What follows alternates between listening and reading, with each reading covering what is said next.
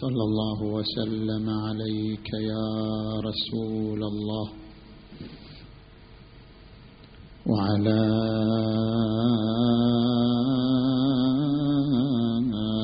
أهل بيتك المنتجبين يا ليتنا كنا معكم فنفوز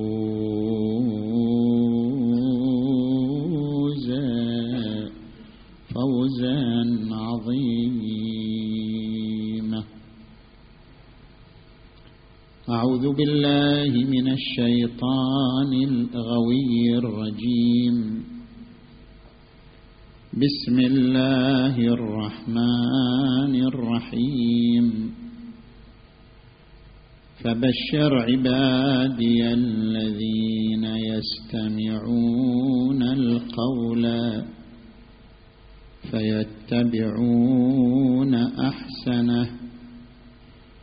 أولئك الذين هداهم الله وأولئك هم أولو الألباب. آمنا بالله صدق الله العلي العظيم.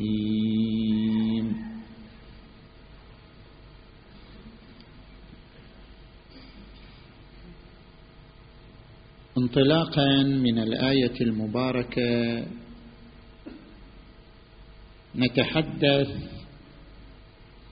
عن محور معين وهو كيف تطور ذاتك وتطور مهاراتك بالطريقة الإيجابية. عندما نرجع إلى علم النفس التطبيقي فإنه يطرح لنا عدة ركائز لتطوير الذات وتطوير المهارات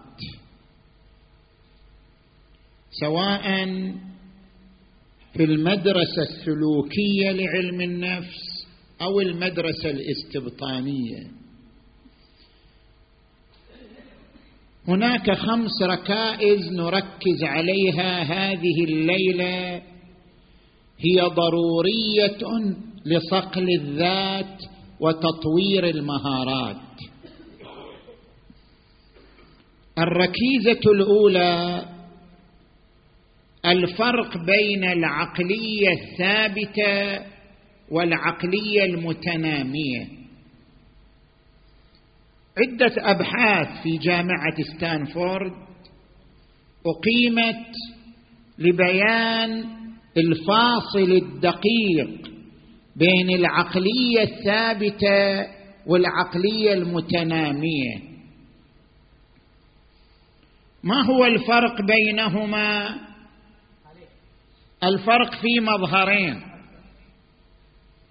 المظهر الأول أن العقلية الثابتة عقلية لا تعرف التغيير ولا التجديد. حتى لو كان إنسان عبقري إنسان نابغة لكنه يسير في روتين محدد. لا يتغير ولا يتبدل. منذ أربعين سنة هو على نفس الروتين هو على نفس النسق لا يتغير. هذا يسمى عقلية ثابتة. العقلية المتنامية هي العقلية التي دائما تقفز نحو الجديد تقفز نحو التطوير. العقلية المتنامية لها مظهران.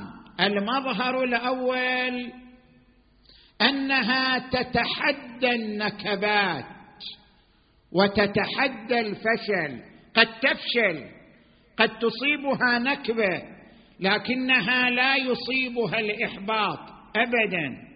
تعتبر النكبات وتعتبر الفشل محفزا نحو التغيير وليس محبطا. ولا عاملا من عوامل التراجع. بينما العقلية الثابتة بمجرد أن تصاب بالفشل تنتكس وتتراجع. زين؟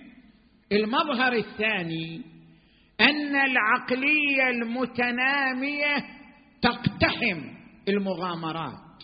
تدخل تغامر تقتحم المغامرات. لا تقف عند حد. لأنها بعد أن تدرس الموقف تقتحم الموقف لا تعيش في حالة تردد وفي حالة قلق. ورد عن أمير المؤمنين علي عليه السلام إذا خفت من شيء فقع فيه. أنت ليش تظل خائف؟ ليش تظل قلق؟ أنت ادرس الموقف. إذا درسته دراسة جيدة اقتحمه. إذا خفت من شيء فقع فيه فإن انتظارك له أشد من وقوعك فيه. فإذا الركيزة الأولى لتطوير الذات والمهارات أن تكتسب العقلية المتنامية. زين؟ نجي إلى الركيزة الثانية. فرق بين الانحياز السلبي والانحياز الإيجابي في عمل الدماغ. آدم هانسن أحد الباحثين في علم النفس يقول اجرينا دراسات أغلب الأدمغة البشرية دماغي دماغك أغلب الأدمغة البشرية لديها انحياز سلبي مجبولة جينيا على الانحياز السلبي نتيجة للحمض النووي الموروث. شلون مجبولة ديني مجبولة جينيا على الانحياز السلبي؟ الآن أشرح لك. هناك موردان يتضح فيهما الانحياز السلبي. المورد الأول تركيز على السلبيات.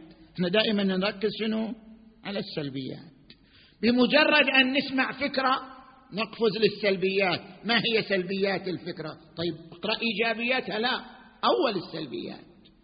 الانحياز السلبي في عمل الدماغ يقفز مباشرة وتلقائيا لسلبيات ما يسمع لسلبيات ما يرى لسلبيات ما يشاهد.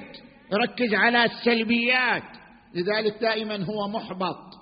دائما هو منكسر لأنه يقفز نحو قراءة السلبيات دائما. والمورد الثاني لهذا الانحياز السلبي للدماغ أن هذا الانحياز السلبي يجعل الإنسان في حالة من الحذر والقلق أن لا يقع في السلبيات. أن لا يقع في المشاكل أن لا يقع في الفوضى. اذا الانحياز السلبي للدماغ عائق من تطوير الذات عائق من تطوير المهارات. لابد أن يتحول إلى انحياز إيجابي لا انحياز سلبي. زين. نجي الآن إلى الركيزة الثالثة. الدماغ الكسول. سامع عن الدماغ الكسول؟ يمكن أنت دماغك كسول أو دماغي كسول. ما هو الدماغ الكسول؟ مقابل الدماغ النشط. الدماغ الكسول الذي هو أعظم عائق من عوائق تطوير الذات وتطوير المهارات.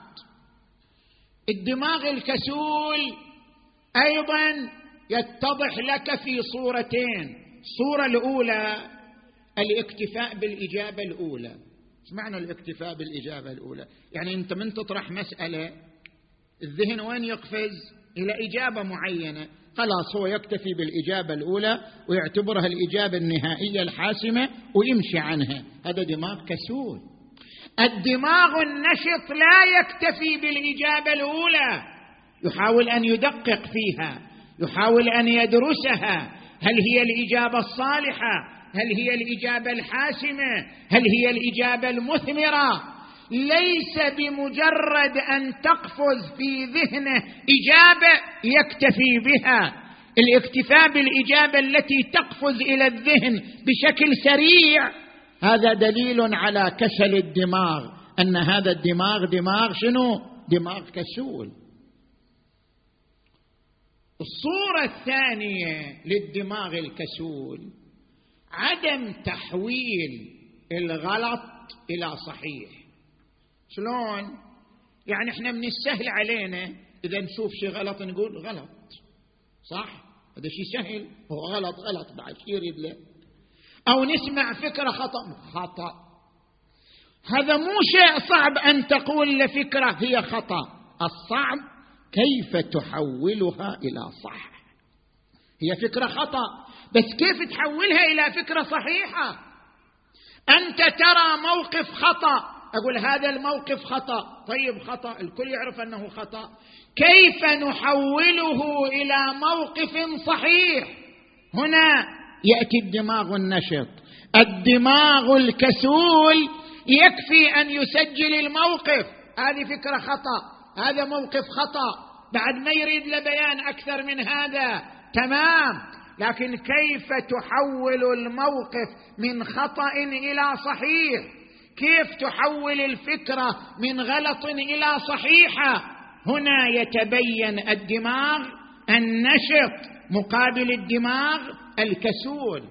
لذلك عندما نلاحظ هذه الركائز الثلاث اللي قرأناها بعدنا ما نوصل للركيزة الثالثة والرابعه والخامسة هي أهم. عندما نقرأ الركائز الثلاث نجد أن الإنسان الذي عقليه ثابتة كثير من آبائنا ها عندهم عقلية ثابتة أوه! ما نريد تغيير ما نريد تطوير خلينا كما نحن. اللي يملك عقلية ثابتة ويملك انحياز سلبي في عمل الدماغ ويملك دماغ كسول النتيجة ما هي؟ النتيجة كارثية. شلون النتيجة كارثية؟ من يعيش هذه الأمور الثلاثة تجده دائما يقول لك الحذر الحذر الحذر. كن دائما حذر كن دائما في حالة قلق من النتائج.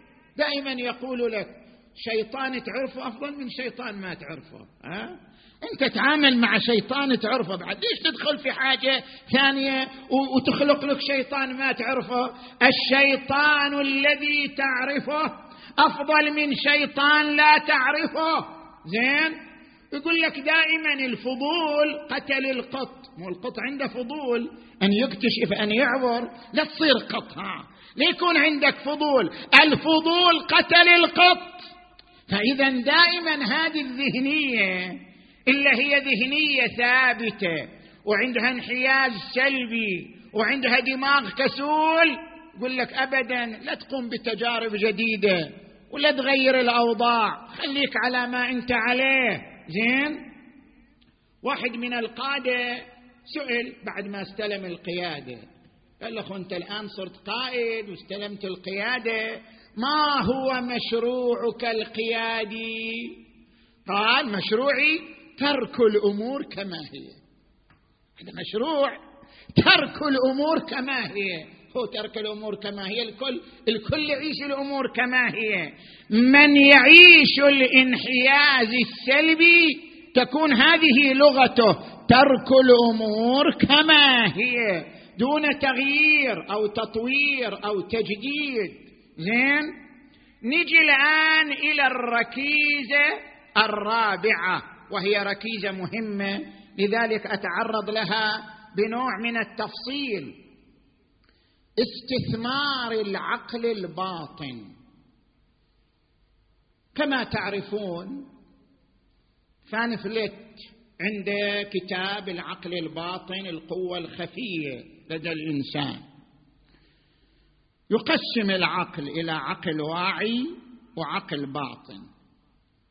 العقل الواعي هو الذي يقوم بالاستنتاج والتفكير وأخذ القرارات وأخذ المواقف هذا كل العقل الواعي. العقل الباطن ما يصدر مواقف ولا قرارات ولا يفكر ابدا. العقل الباطن مادة تساعد العقل الواعي على الوصول إلى أهدافه وتحقيق طموحاته. يعني نسبة العقل الواعي للعقل الباطن. نسبة العقل للكمبيوتر شلون تتعامل مع الكمبيوتر؟ الكمبيوتر ما ياخذ قرار الكمبيوتر ما يتصرف الكمبيوتر يزودك بما ينفعك في الوصول إلى أهدافك. العقل الباطن كالكمبيوتر تماما. غايته أنه فيه مشاعر في خيال. الكمبيوتر ما يملك مشاعر ولا خيال. حتى نعرف كيف نستثمر العقل الباطن. انتبه لي جيدا. العقل الباطن له عدة مميزات. الميزة الأولى بالعقل الباطن تكتسب الملكة. كيف تصير عندك ملكة في الشعر؟ لازم تعتمد على العقل الباطن. كيف تصير عندك ملكة في الخطابة؟ لازم تعتمد على العقل الباطن. كيف يصير عندك ملكة مثلا في الفن في التمثيل؟ لازم ترتكز على العقل الباطن. العقل الباطن مصدر اكتساب الملكة. شلون؟ يذكر علماء النفس. يقولون أنت الآن من تريد مثال بسيط. من تريد تأكل أمامك مثلا هالأيام أيام شهر رمضان تريد تشرب شوربة مثلا. سوب. أمامك شوربة تريد تشربها. زين؟ هنا العقل الواعي كيف يتحرك والعقل الباطن كيف يتحرك؟ العقل الواعي فقط يرسل إشارة. إشارة؟ اشرب. يلا اشرب. هذا العقل الواعي. بقية الأمور كلها على العقل الباطن. العقل الواعي ما يقول لك كيف توجه عينك إلى الشوربه ما يقول لك كيف تحرك يدك لأخذ الملعقة ولوضع السوب في فمك؟ ما يقول لك كيف تحرك الفك لهضم هذه الشوربه ولبلعها؟ كل هذا يتكفل به العقل الباطن بشكل أوتوماتيكي تلقائي. العقل الباطن يحرك نظرك نحو الشوربه يحرك يدك نحو الملعقة يحرك فكك نحو المضغ والبلع كل العقل الباطن. اذا العقل الباطن هو مصدر اكتسابك للملكات. كيف تتدرب؟ كيف تصير لاعب تنس ممتاز ماهر؟ كيف تصير مثلا خطيب ماهر؟ هنا تعتمد على العقل الباطن. انت تمارس تدريب معين العقل الباطن هو الذي يقوم بالبرمجة. برمجة التدريب إلى أن يتحول إلى سجية وملكة. كل ذلك ببركة العقل الباطن. لذلك يقول لك العضلات الإرادية يديرها العقل الواعي. أما العضلات غير الإدارية غير الإرادية يديرها العقل الباطن. تنفس يدير العقل الباطن. عمل القلب يدير العقل الباطن. الايض يدير العقل الباطن. هذه العضلات اللا اراديه يدير عملها العقل الباطن. زين. هذه الميزة الأولى للعقل الباطن. مصدر اكتساب الملكة. الميزة الثانية العقل الباطن مخزن الذاكرة. شلون مخزن الذاكرة؟ انت كثير. حتى إحنا تصادفنا الخطباء كثيرا. زين؟ أنت جت في ذهنك آية بس ما تريد ما تقدر تتذكرها. الآية ما هي تلك الآية أريد أتذكرها. أو مثلا اسم شخص. شنو اسمه؟ هو, هو عندي بس ما أتذكره. ما هو اسمه؟ ما أدري وين راح اسمه. وين راحت هذه الآية؟ وين راح اسم فلان؟ وين راح بيت الشعر الفلاني؟ غاب عن ذهني. زين. العقل الواعي هنا يتعب يتعب يتعب حتى يحصل الاسم المعين. لا تجهد نفسك. لا تصر أن تتذكر الآية أو بيت الشعر أو الاسم. لا تصر. استرخي.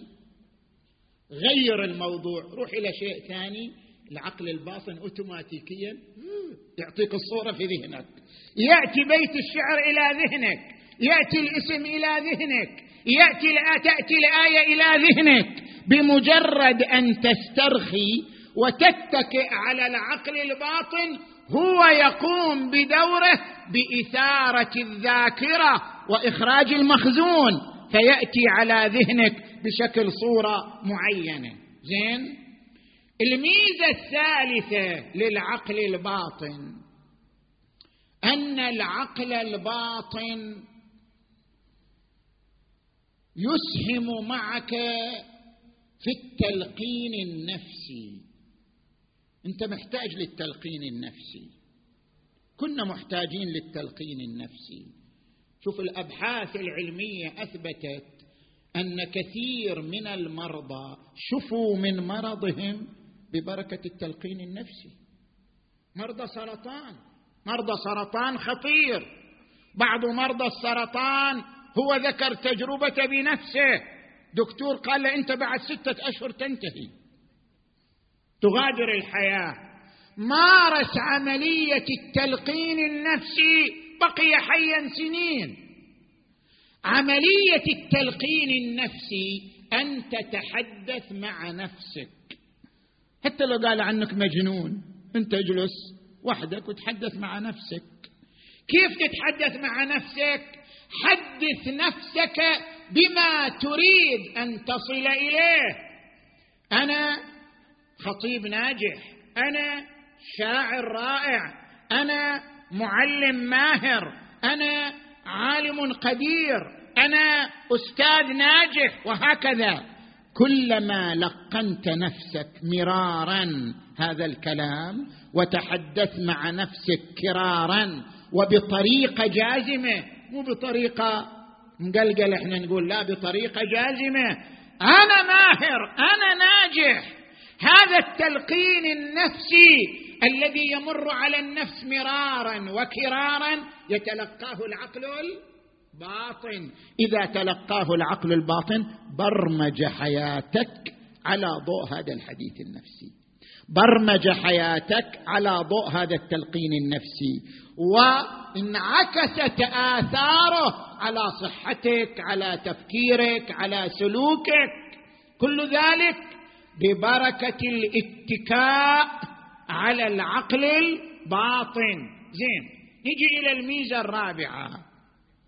الميزة الرابعة للعقل الباطن أن العقل الباطن نقطة إزالة التوتر والقلق. إذا تريد تشيل التوتر والقلق تكئ على العقل الباطن. كيف؟ يعني الآن أنت إذا صارت عندك مشكلة مشكلة مع الزوجة زين؟ مشكلة في العمل. مشكلة في الدراسة مشكلة في علاقتك مع بعض أصدقائك مشكلة. كيف تحلها؟ العقل الواعي يطرح أمامك عدة خطوات.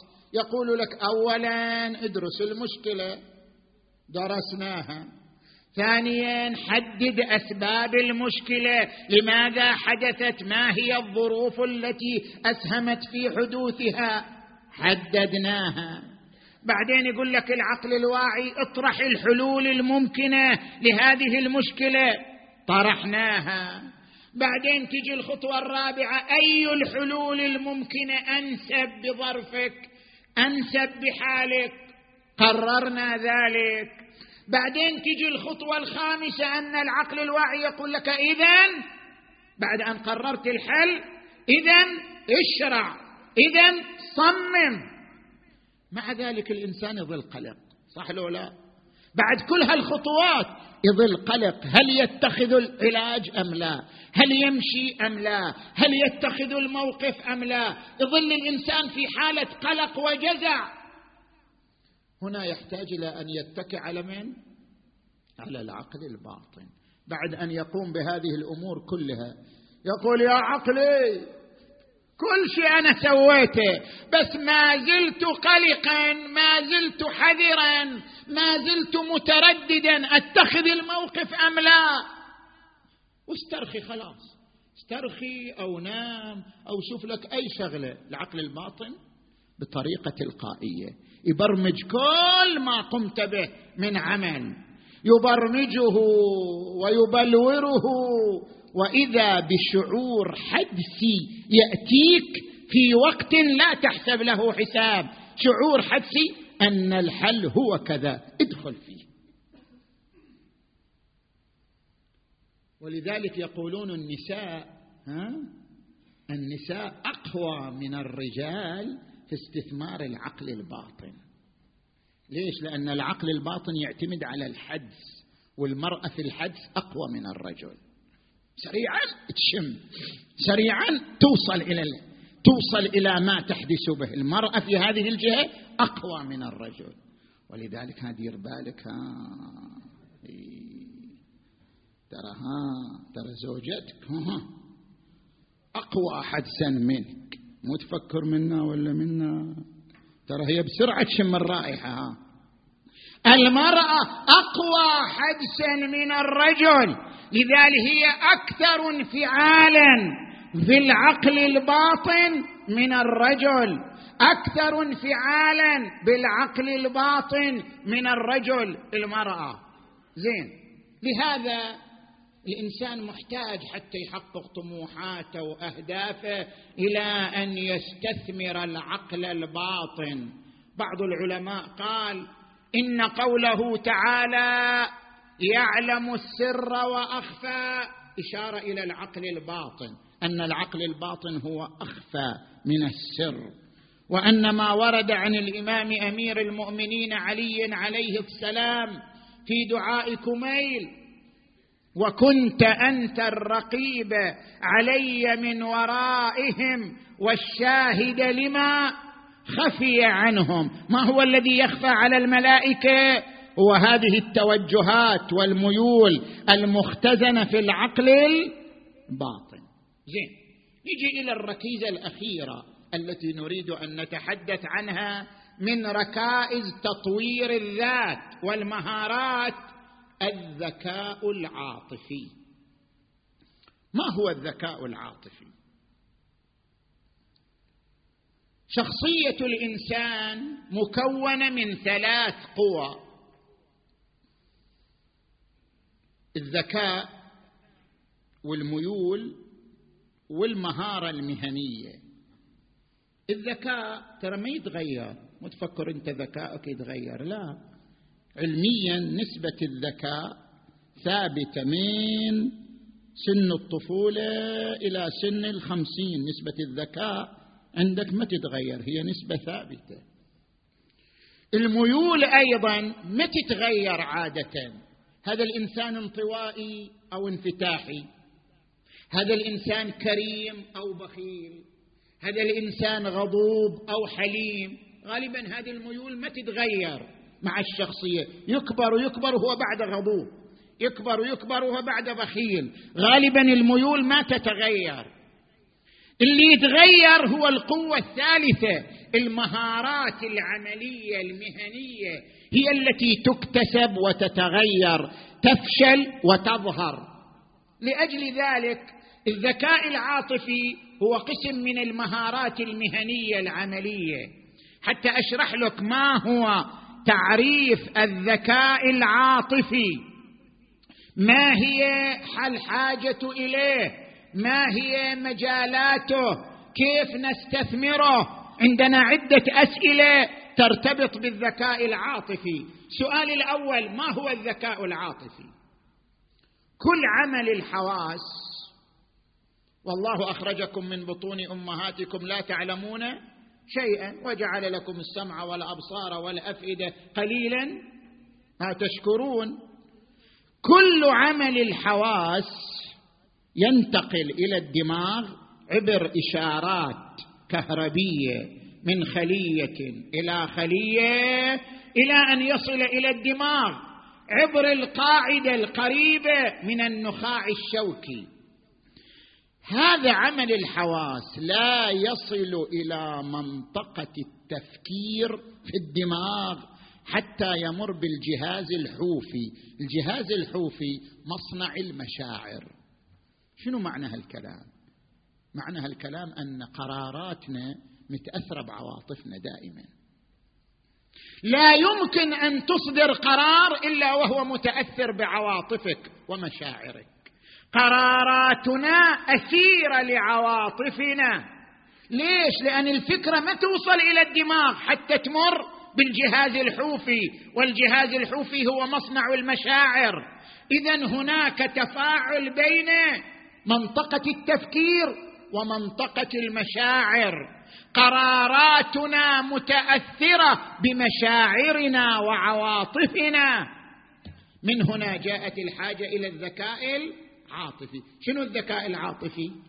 القدرة على فهم مشاعرك وضبط ميولك والتحكم بها بحيث تتحول إلى عامل إيجابي. هذا يسمى الذكاء العاطفي وهو من أعظم المشاريع. إذا عندك ذكاء عاطفي أوه أنت رجل ناجح جدا. تصور الحاجة إلى الذكاء العاطفي. خمسمائة ألف تجربة أقيمت للوصول إلى تشخيص الحاجة إلى هذا الذكاء. كيف؟ وصلوا إلى أن اللي يملك ذكاء عالي النوابغ يتفوقون على أصحاب الذكاء المتوسط في القضايا المهنية فقط في عشرين بالمئة. عشرين بالمئة من الحالات شوف الأذكياء يتميزون على غيرهم. لكن سبعين بالمئة من الحالات أصحاب الذكاء المتوسط يتميزون على النوابغ والعباقر في سبعين بالمئة من الحالات. ليش؟ ليش هذا ذكاء متوسط؟ شلون صار متميز طبيا هندسيا تعليميا على صاحب النبوغ وصاحب الذكاء العالي؟ ليش هذا تميز عليه؟ اكتشفوا. أن مجرد النبوغ والعبقرية والثقافة ليست كافية في أن تكون ناجح عمليا وأن تكون ناجح مهنيا. ما يكفي؟ لابد من عنصر دخيل وهو الذكاء العاطفي. إذا لم تكن قادرا على فهم مشاعرك ضبط ميولك والتحكم فيها لن تكون ناجحا مهنيا وعمليا. هنا تبرز الحاجة للذكاء العاطفي. زين. أين مجالات الذكاء العاطفي؟ اتخاذ القرارات. ترى إحنا كل قراراتنا قرارات عاطفية. هذا يصير. ليش يصير؟ لأن نفسيا أنا ما يصير. هذا ما يصير. لأن نفسيا أنا أقول ما يصير. أغلب قراراتنا هي قرارات عاطفية. قرارات تنبع من ميولنا ومشاعرنا. الذكاء العاطفي يتدخل في اتخاذ القرار. الذكاء العاطفي يتدخل في تحمل المسؤولية. الذكاء العاطفي يتدخل في غرس الثقة بالنفس. الذكاء العاطفي يتدخل في أساليب التواصل مع الآخرين. الذكاء العاطفي يتدخل في قدرتنا على التطوير والتجديد والتغيير. من أجل ذلك نطرح السؤال الأخير ونختم. كيف نستثمر الذكاء العاطفي في تطوير مهاراتنا وتحسين علاقاتنا. حتى نصل إلى هذه النقطة نعتمد على عنصرين. العنصر الأول الوعي الذاتي والعنصر الثاني إدارة الذات. هل أشرح لك كلا العنصرين؟ العنصر الأول الوعي الذاتي. شنو معنى الوعي الذاتي أن تفهم مشاعرك أن تدرك ميولك أن تعرف ردود أفعالك. إن تركز على حدث خطأ صار في حياتك. أخطأت في علاقة مع إنسان أخطأت في علاقة مع الزوجة أخطأت في موقف من المواقف. كل إنسان يمر بأخطاء. ادرس الخطأ. ما هي أسبابه؟ لماذا أنت استجبت لهذه الأسباب؟ ما هي تأثيرات هذا الخطأ على حياتك؟ إذا درست الخطأ استطعت أن تحدد ميولك ومشاعرك. استطعت أن تضبط ميولك ومشاعرك. هذا ما يسمى بالوعي الذاتي. ورد عن الرسول محمد.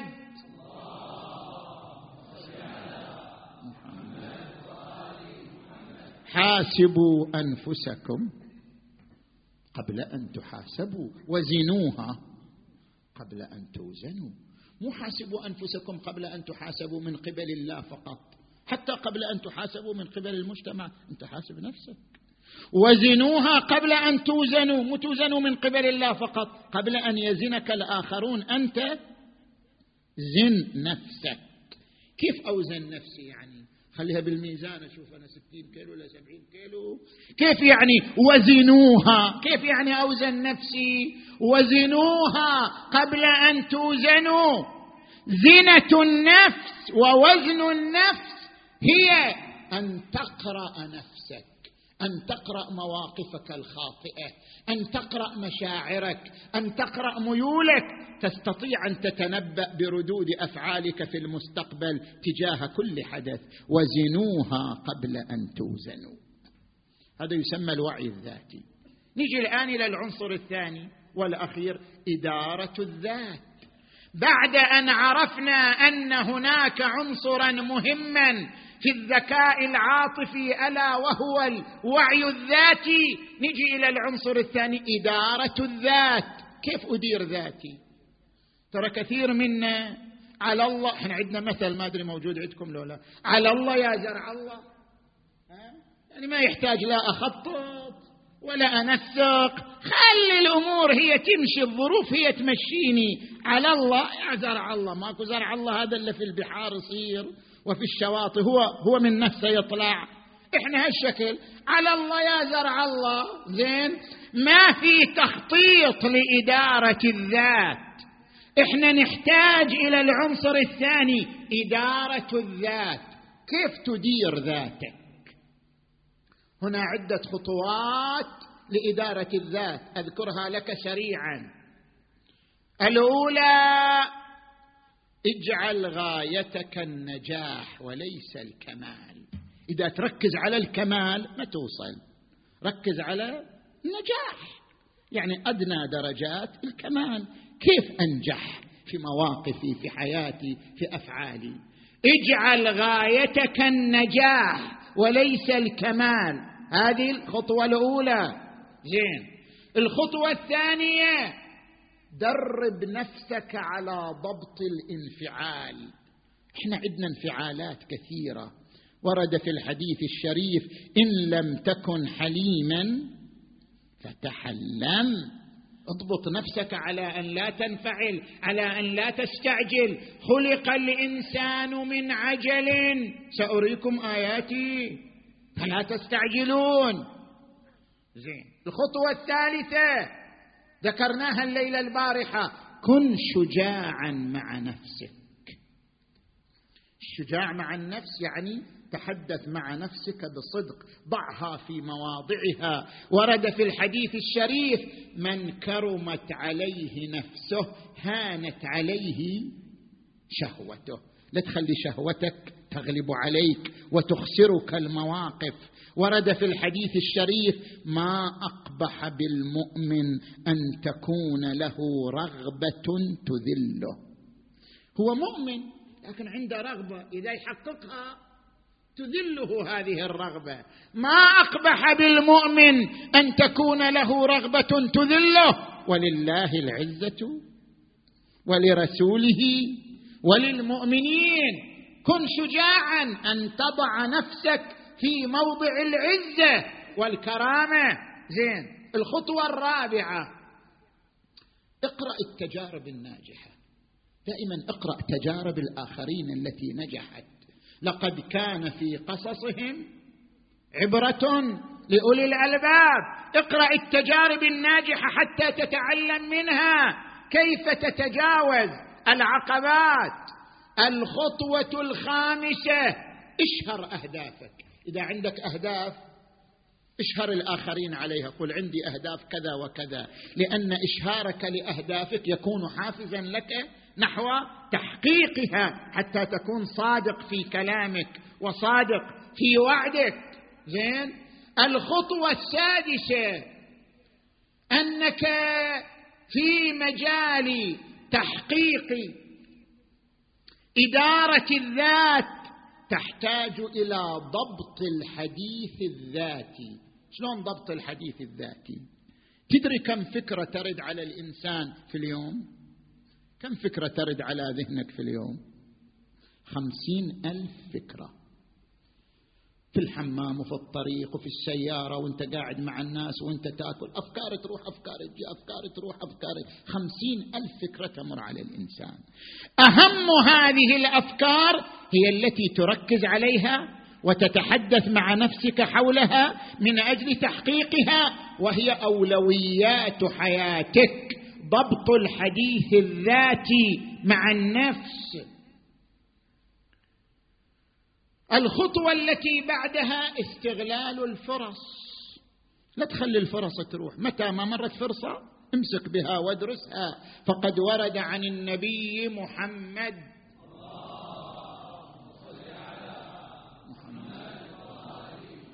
اغتنموا الفرص فإنها تمر مر السحاب.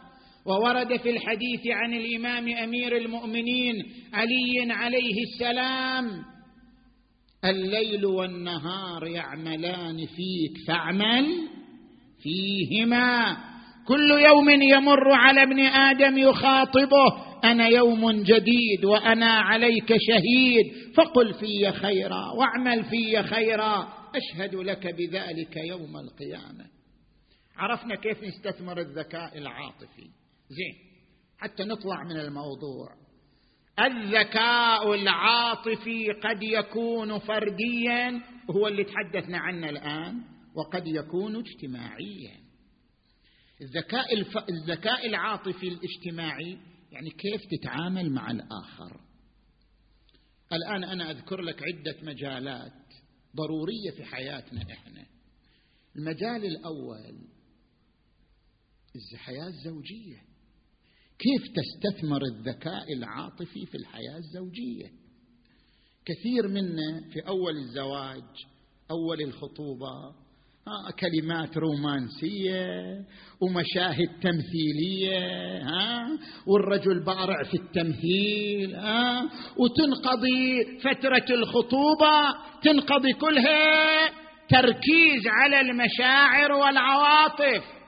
بعدين إذا اقترب الشخصان من بعضهما وعاشا في غرفة واحدة وعاشا في مكان واحد واكتشف كل منهما شنو؟ عيوب الآخر. وانحسرت الأمور كل شيء عرف بدأ يدب الملل. بدأ يدب السأم. بدأ يدخل البرود العاطفي. بدأ كل واحد من المشاكل من المصائب. وبدأت الحياة الزوجية تتكدر وتتعثر وتتحول إلى صور غير مريحة. ليش؟ لأنك لم تستثمر الذكاء العاطفي منذ أول يوم. لو استثمرت الذكاء العاطفي منذ أول يوم ما وقعت في هذه الأمور. أنت من الأول. بما أن بينك وبين هذه الفتاة علاقة عاطفية حميمة حاول أن تستغل هذه العواطف في أن تتفاهم معها على المواقف على طريقة الحياة على ردود الأفعال. ترى أنا شخصيتي مو اللي تشوفيها كأنني سوبرمان. لا ترى شخصيتي فيها عيوب وفيها أخطاء كذا وكذا. تونا تونا في أول الطريق تونا على البر يقولوا ها زين؟ استغل الذكاء العاطفي في الحديث الصادق عن شخصيتك وعن شخصيتها لتوضيح الأمور في المستقبل. زين. بعدين صارت الحياة الزوجية صارت المشاكل. طيب كيف أنت تستثمر الذكاء العاطفي في جلب رضا زوجتك؟ كيف هي تستثمر الذكاء العاطفي في جلب رضا زوجها؟ هنا تدخل الذكاء العاطفي مهم. هذا المجال الأول. سأشرح أيضا في المجال الثاني. المجال الثاني مجال النقد. تدري إحنا في النقد ما في أحسن منا صح لو لا؟ أوه. من نسمع فكرة في النقد. بارعين. زين؟ هذا إيه المتكلم أو من اتخذ موقف معين نضعه على المشرحه زين. ونسلحه من كل ما عليه حتى يتعرى أمام الملأ. زين. ونقوم بنكسه. إحنا في النقد بارعين جدا. ولذلك إحنا ما نتغير. إحنا كنا نعيش نقد. ما نتغير ابدا. أكو ناس في مجتمعاتنا عنده مرض اسمه مرض النقد. هو هذا مرض عنده من يقدر زين؟ من تجي تتحدث إياه.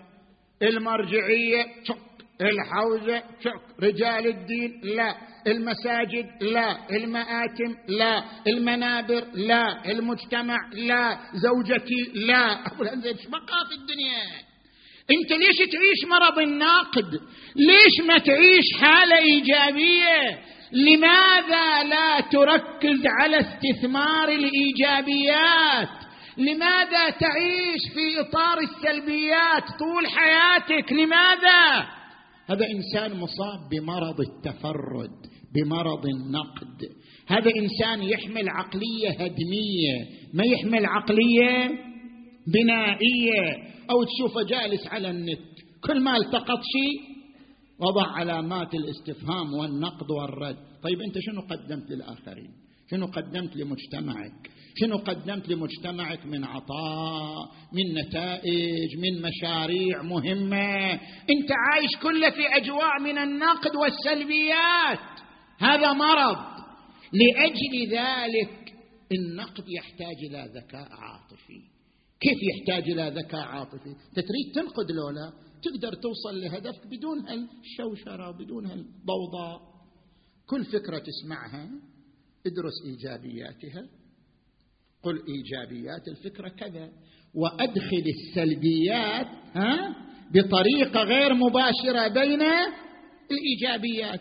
أنت تصل إلى هدفك وفي نفس الوقت تساهم في رفع الحاله الإيجابية والنهوض بها لدى المجتمع. لا تكن مريضا بمرض النقد والتركيز على السلبيات.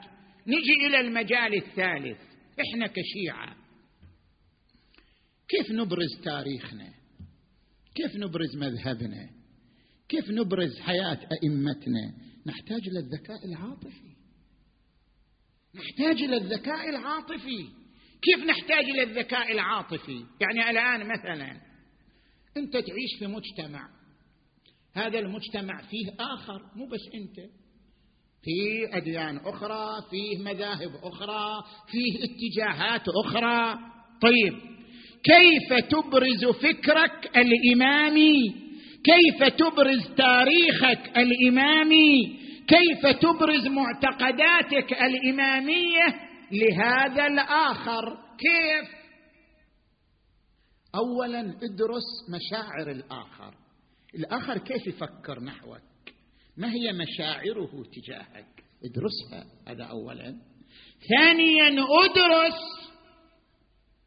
ما هي ردود فعل الآخر؟ لو قلت له هكذا. كيف يكون ردة فعله؟ حتى لا تطرح مواقف استفزازية. حتى لا تطرح عليه أفكار تستفزه. ادرس مشاعره تجاهك وادرس ردود أفعاله تجاه أفكارك حتى لا تطرح عليه قضايا استفزازية. بعد أن تدرس ذلك اطرح تاريخ أئمتك واطرح فكر أئمتك بطريقة لا تستفز الآخر ولا تثير مشاعره بل تؤثر عليه تاثيرا شنو؟ جاذبا. تؤثر عليه تاثيرا ايجابيا. لذلك ورد عن الإمام الصادق عليه السلام أنه قال كونوا دعاة لنا بغير ألسنتكم أحيانا أخلاقكم وتواضعكم وتعاملكم الجيد الايجابي هو دعوة لنا وورد عن الإمام الصادق عليه السلام لو عرف الناس محاسن كلامنا. اذا اذا لاتبعونا. أنت أطرح محاسن أفكارهم. كل أفكار الأئمة حسنة بس هناك أفكار لا تستفز الآخر. ولا تثير ردود فعل الآخر. هي الأفكار الجذابة هي الأفكار المؤثرة. كيف تعامل الإمام الصادق مع فقهاء المذاهب الأخرى؟ كيف تعامل الإمام الصادق مع رموز المسلمين؟ كيف تعامل علماؤنا مع المذاهب الأخرى؟ اطرح القضايا الإيجابية اطرح القضايا المشعة التي تكون سببا لجلب الآخر ولجذبه. أنت مو تريد توصل إلى نشر فكرك؟ فانشره بالطريقة المؤثرة لا بالطريقة المنفرة. وهذا هو التقية. شنو التقية؟ التقية كما ورد عن الإمام الصادق عليه السلام التقية ديني ودين آبائي. ولا دين لمن لا تقية له. شنو يعني التقية؟ التقية لا تعني العزلة. التقية لا تعني النفاق تظهر شيء وتبطن شيئا آخر. التقية لا تعني أن تخفي أفكارك وعقيدتك ومذهبك. لا التقية تعني أن تستثمر الذكاء العاطفي. التقية تعني أن تطرح فكرك دون أن تستفز الآخر. التقية تعني أن تطرح عقيدتك دون أن تجعل الآخر عدوا لك. التقية تعني أن تنشر لغة السلم والمحبة والتواصل الاجتماعي بين أبناء المجتمع المختلفين في اتجاهاتهم ومذاهبهم وأديانهم فأنت تطرح فكرك بطريقة جاذبة جالبة. هذه هي التقية التي مارسها الأئمة الهداة صلوات الله وسلامه عليهم أجمعين. المجال الأخير الذكاء العاطفي في التعامل مع أي إنسان. أمامك إنسان مصاب كيف تتعامل معه؟ كيف تخفف من مصابه؟ يحتاج إلى ذكاء عاطفي. أمامك إنسان يمر بموقف مأزق سيء كيف تتعامل معه وتخرجه من الموقف والمأزق السيء؟ بالذكاء العاطفي. وهكذا الذكاء العاطفي الاجتماعي يتدخل في أساليب التواصل مع الآخرين. هكذا الأئمة الطاهرون تعاملوا مع الآخرين بالذكاء العاطفي المؤثر. كيف حول الإمام علي عليه السلام؟ كميل بن زياد ورشيد الهجري وميثم التمار حولهم إلى أبطال فدائيين مضحين بالذكاء العاطفي. كيف جلبهم؟ كيف جذبهم؟ كيف حول الحسين عليه السلام أنصاره إلى أنصار مستميتين بين يديه؟ حتى قال زهير بن القين والله لو أحرق ثم أنشر ثم أحرق ثم أنشر سبعين مرة ما تخليت عن نصرتك يا أبا عبد الله. وقال له وقال له الآخر لو أقطع بالسيف اربا اربا ما تخليت عن نصرتك يا أبا عبد الله. بالذكاء العاطفي نحن قصة نقرأها كلنا في ليالي عاشوراء. كيف الحسين تعامل مع أخته المفجوعه زينب؟ شوف شلون مارس الذكاء العاطفي.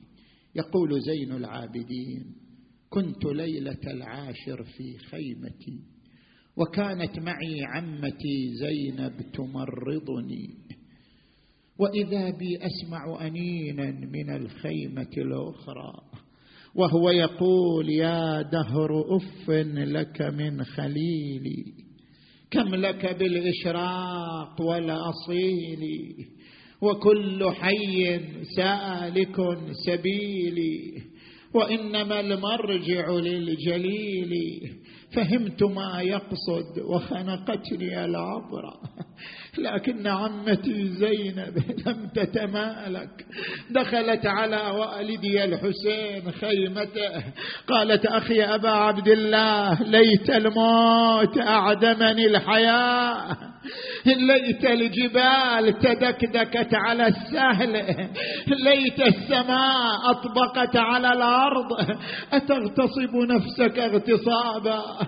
أتنعى نفسك بالموت؟ أبا عبد الله قطعت نياط قلبي. قام الحسين احتضنها إلى صدره. قال أخي أخي زينب اعلمي أن أهل الأرض يموتون وأهل السماء لا يبقون. لقد مات جدي وهو خير مني ومات أبي وهو خير مني ومات أخي وهو خير مني. أخي زينب تعزي بعزاء الله. لا يذهبن بحلمك الشيطان الشيطان. قالت إذا كان ذلك ردنا إلى وطن جدنا. قال أخي هيهات هيهات لو ترك القطع لغفى ونام لا بد من مصرع أنا لاقيه ها؟ وما هي إلا ساعات وما هي إلا أوقات. وإذا بهذه المرأة الشجاعة الصابرة الجلدة يقول حميد بن مسلم لما قتل الحسين. خرجت امرأة من الخيمات تجر أذيالها خفرا وصونا. إلى أن وصلت إلى جسد الحسين. ماذا صنعت هذه المرأة؟ مدت يديها. رفعت الجسد القليل عن الأرض. الله أكبر. كالجسد يرتفع ما يرتفع. ترى الجسد كله عظام. ترى الجسد كله أوصال منثورة. جسد ما في عضو سالم شلون ترفعها؟ تمد يدها إلى ظهره فترفع فتتساقط أوصاله.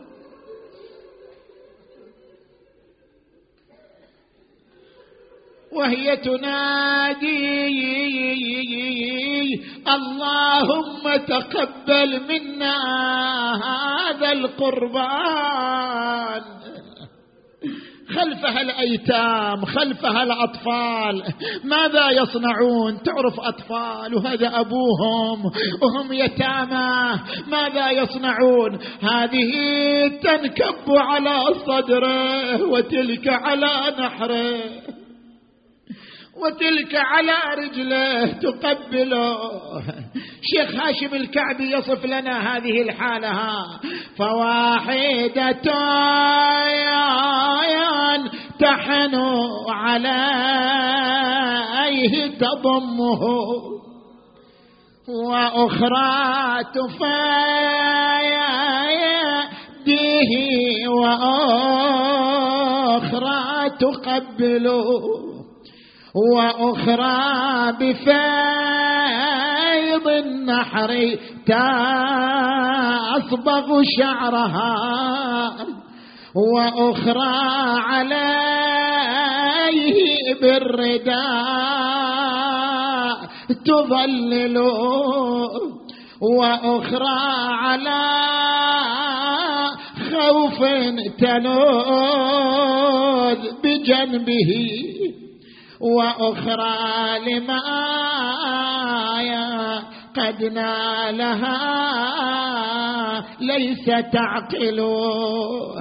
إحنا الآن نتوجه نحو المدينة المنورة نحو ذلك القبر الحزين الباكي قبر فاطمة الزهراء هي صاحبة المصيبة هي صاحبة العزاء.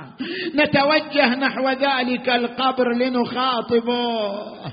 لنخاطب ذلك القبر بأبيات دعبل الخزاعي سقى الله قابرا بالمدينة غيثه فقد حل فيه الأمن بالبركات كيف نخاطبه أفاطمة لا؟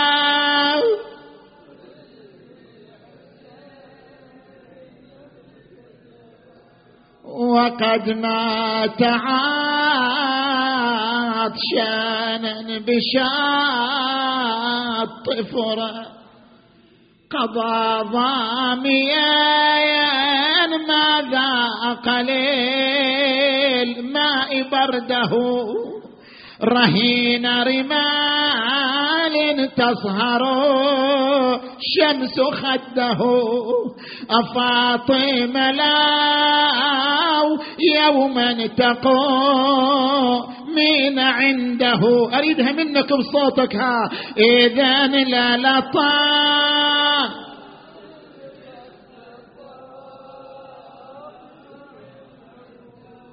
وأجريت دايا مع العين بيل وجناتي أنا الوالدة والقلب لهفان. وادور عذبني وين. ما يا يا أنا ويلي على ابن الماء يا يا يا يا, يا الماء يا يا عطشا. يا ولعبت عليه الخيل. ما غسلوه ولا لفوه في كفن يوم الطفوف ولا مدوا عليه رداء إن شاء الله الليلة القادمة ليلة الحوار. طبعا يقرأ الدعاء أولا دعاء الافتتاح. الساعة التاسعة بعد انتهاء من دعاء الافتتاح. نقرأ عدة دقائق مصيبة الحسين عليه السلام وبعد ذلك نبدأ الحوار في الموعد إن شاء الله تعالى الليلة القادمة. اللهم صل على محمد وآل محمد اللهم بالحسين الوجيه وجده وأبيه وأمه وأخيه والتسعة من بنيه. اللهم اغفر ذنوبنا واستر عيوبنا وكفر عنا سيئاتنا. وتوفنا مع الأبرار واجعلنا في هذا الشهر الشريف من عتقائك من جهنم وطلقائك من النار وسعداء خلقك بمغفرتك ورضوانك يا أرحم الراحمين. اللهم صل على محمد وآل محمد. اللهم كن لوليك الحجة بن الحسن صلواتك عليه وعلى آبائه في هذه الساعة وفي كل ساعة وليا وحافظا وقائدا وناصرا ودليلا وعينا حتى تسكنه أرضك طوعا وتمتعه فيها طويلا. برحمتك يا أرحم الراحمين. وإلى أرواح أمواتكم وأموات المؤمنين والمؤمنات الفاتحة تسبقها الصلوات.